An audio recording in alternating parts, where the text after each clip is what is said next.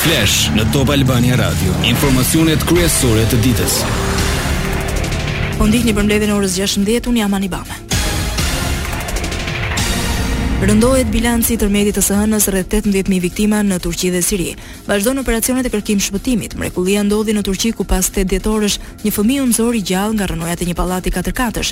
Qeveria turke akuzohet për keqpërdorimin e emergjencës. Erdogan u detyrua të pranonte se kishte probleme në fillim të përpjekjeve të ndihmës. Situata mbetet shumë e rëndë edhe në Siri. Më në fund u ça bllokada dhe po lejohet hyrja e ndihmave në zonat e kontrolluara nga rebelët. Ndihmat humanitare shkojnë me vështirësi për shkak të pengesave përgjatë pikave kufitare që lidhin Sirinë me Turqinë. Presidenti sirian Al-Assad kërkoi ndihmë nga Bashkimi Evropian, u caktua konferencë donatorësh në fillim të marsit në Bruksel.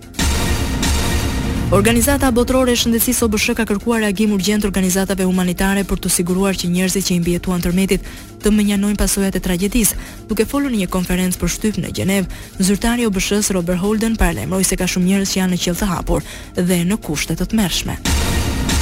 Dridhet toka në Shqipëri, EMSC dhe IGJEUM kanë regjistruar një tërmet me magnitudë tre pikë tetë sipas shkallës Rihter, në thellësinë gjashtëmbëdhjetë pikë pesë kilometra. Raportohet se epiqendra ishte në Stravaj të Elbasanit. Ka raportime se lëkundjet u ndjenë edhe në Tiranë dhe Korçë, përveçse në Elbasan, por nuk jepen njoftime për të lënduar apo dëme materiale. Tërmeti ndodhi rreth orës njëmbëdhjetë e pesëdhjetë e shtatë minuta me orën tonë. Lajmet në internet në adresën www.topalbaniaradio.com. Rezultoi një furtunë në gotë kallëzimi i Ministrisë së Drejtësisë dhe i Partisë Socialiste që tentoi të vërë në lëvizje SPAK-un për njëzet e një janarin dy mijë e njëmbëdhjetë, kur katër qytetarë u vranë gjatë një proteste në bulevard. Akuzat e politikës për të hetuar ish-kryeministrin Berisha, ministrin e Brendshëm të asaj kohe Lulzim Basha dhe ish-shefin e Gardës Ndrea Prendi u gjet e paprovuar nga SPAK, që në krye të pak ditëve shpalli moskompetencë dhe ia kaloi çështjen Prokurorisë së Kryeqytetit.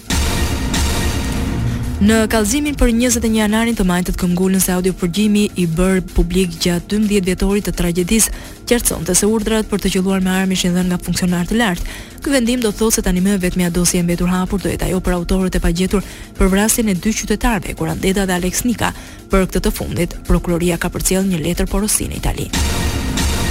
Protesta e 11 shkurtit ora 12 në Tiranë për dorëheqjen e kryeministrit Edi Rama, Partia Demokratike njofton policinë.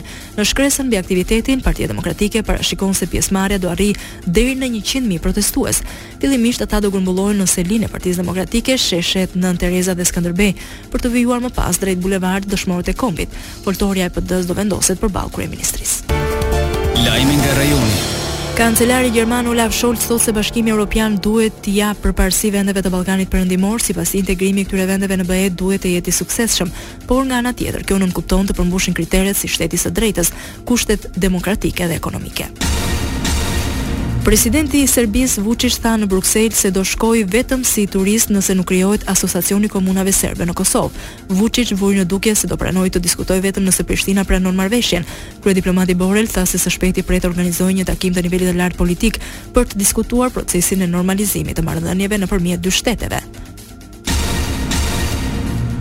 Komisioni i Parlamentit Evropian për Politikën e Jashtme u bëri thirrje Kosovës dhe Serbisë që të avancojnë në procesin e dialogut të ndërmjetësuar nga Brukseli zyrtar. Këto komente u bënë në një debat të zhvilluar në këtë komision lidhur me raportet për Kosovën dhe Serbinë.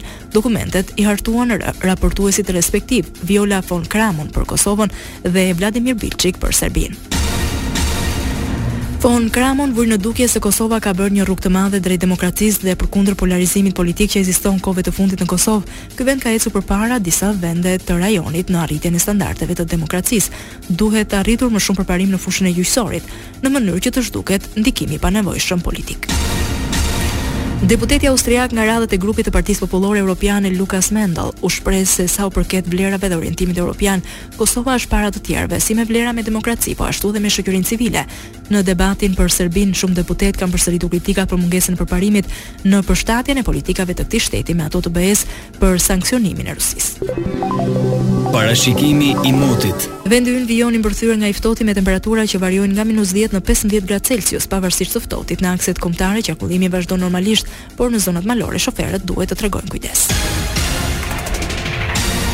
Këtu kemi përfunduar, mirudëgjofshim në edicionin e orës 17. Kjo është Top Albania Radio.